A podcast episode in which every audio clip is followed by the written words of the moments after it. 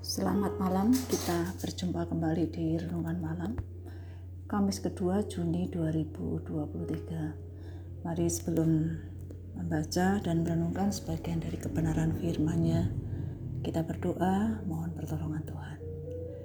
Bapa yang di surga, terima kasih. Oleh karena anugerah Tuhan kami dimampukan untuk melewati dan menjalani kehidupan sepanjang hari ini. Kami sadar kami perlu Tuhan. Kami perlu tuntunan firman Tuhan yang kami tahu membawa, memampukan kami menjalani kehidupan ini dengan berbagai macam realita yang ada. Kami mohon Tuhan sendiri yang menolong kami menjelaskan apa yang Tuhan mau kami pahami lewat kebenaran firman ini. Dalam nama Tuhan Yesus kami berdoa. Amin. Mari kita memperhatikan dari Injil Yohanes pasal 9 ayat 28 hingga 34. Demikian firman Tuhan. Sambil mengejek mereka, berkata kepadanya, Engkau murid orang itu, tetapi kami murid-murid Musa kami tahu bahwa Allah telah berfirman kepada Musa, tetapi tentang dia itu kami tidak tahu dari mana ia datang.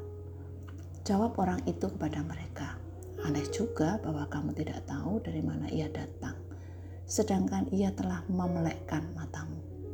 Kita tahu bahwa Allah tidak mendengarkan orang-orang berdosa, melainkan orang-orang yang saleh dan yang melakukan kehendaknya. Dari dahulu sampai sekarang tidak pernah terdengar bahwa ada orang yang memelekkan mata orang yang lahir buta. Jikalau orang itu tidak datang dari Allah, ia tidak dapat berbuat apa-apa. Jawab mereka, engkau ini lahir sama sekali dalam dosa dan engkau hendak mengajar kami. Lalu mereka mengusir dia keluar. Sesudah orang yang tadinya buta itu mengejek ahli-ahli Taurat. Mereka sangat marah dan berkata, "Engkau murid orang itu, yaitu murid Yesus. Kami murid-murid Musa." Karena mereka mengikuti ajaran Musa, yaitu orang yang berbicara dengan Allah. Yesus sudah lebih dahulu memberitahukan jika mereka menerima ajaran Musa dengan benar akan mendengar yang dikatakan Yesus. Tetapi mereka telah memutarbalikkan perkataan Musa untuk membenarkan diri mereka sendiri sehingga tidak mengenal Yesus yang berbicara pada mereka. Orang yang baru disembuhkan itu mengatakan bahwa sejak dahulu sampai saat itu tidak pernah mendengar ada orang yang memelekkan orang yang buta sejak lahir. Di antara kalian tidak ada yang dapat membuatnya dapat melihat. Semua manusia telah berdosa kecuali Yesus. Dialah yang membuat saya dapat melihat. Dia tidak berdosa jika dia bukan Allah, tidak dapat berbuat apa-apa. Yang dialami menjadikan orang tersebut berpikir, kemudian mengakui bahwa Yesus adalah Allah Sedangkan orang-orang yang merasa benar itu meremehkan, menolak, kemudian mengusir orang yang dapat melihat karena kuasa Yesus. Tuhan bukan hanya mencelikkan orang yang semula buta secara jasmani, tetapi juga dapat melihat secara rohani. Ia mengakui bahwa Yesus adalah Allah, karena jika bukan Allah, tidak akan mencelikkan matanya yang buta sejak lahir. Yesus sudah membuktikan dengan berbagai macam cara untuk menyatakan dirinya bahwa ia adalah Allah. Yesus juga menyatakan kuasanya pada orang-orang pilihannya untuk menyaksikan bahwa Yesus tidak berdosa. Namun manusia tidak dapat menerimanya. Jika kita merenungkan perjalanan hidup kita sebagai orang percaya, tentu banyak hal yang membuat kita dapat merasakan kebaikan, kasih, pertolongan, dan penyertaannya. Oleh sebab itu, marilah kita berpegang teguh pada firman-Nya, setia kepadanya.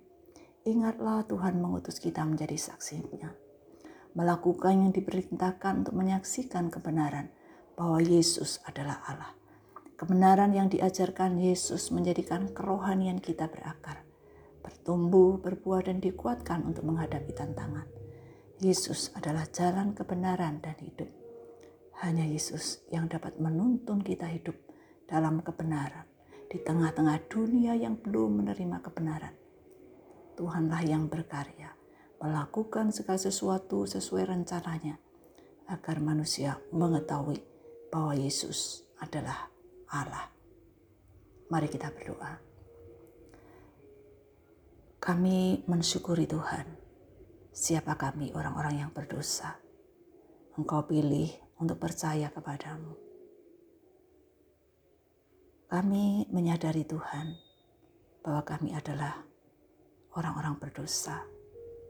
Ketika kami boleh mendengar kebenaran, mengetahui kebenaran, di dalamnya Tuhan punya rencana yang indah untuk kami.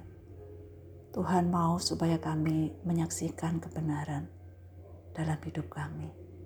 Oleh karena itu ya Tuhan, pakailah tiap-tiap kami. Jangan biarkan kami cukup untuk menerima kebenaran. Bersyukur atas kebenaran yang kami terima di dalam Yesus.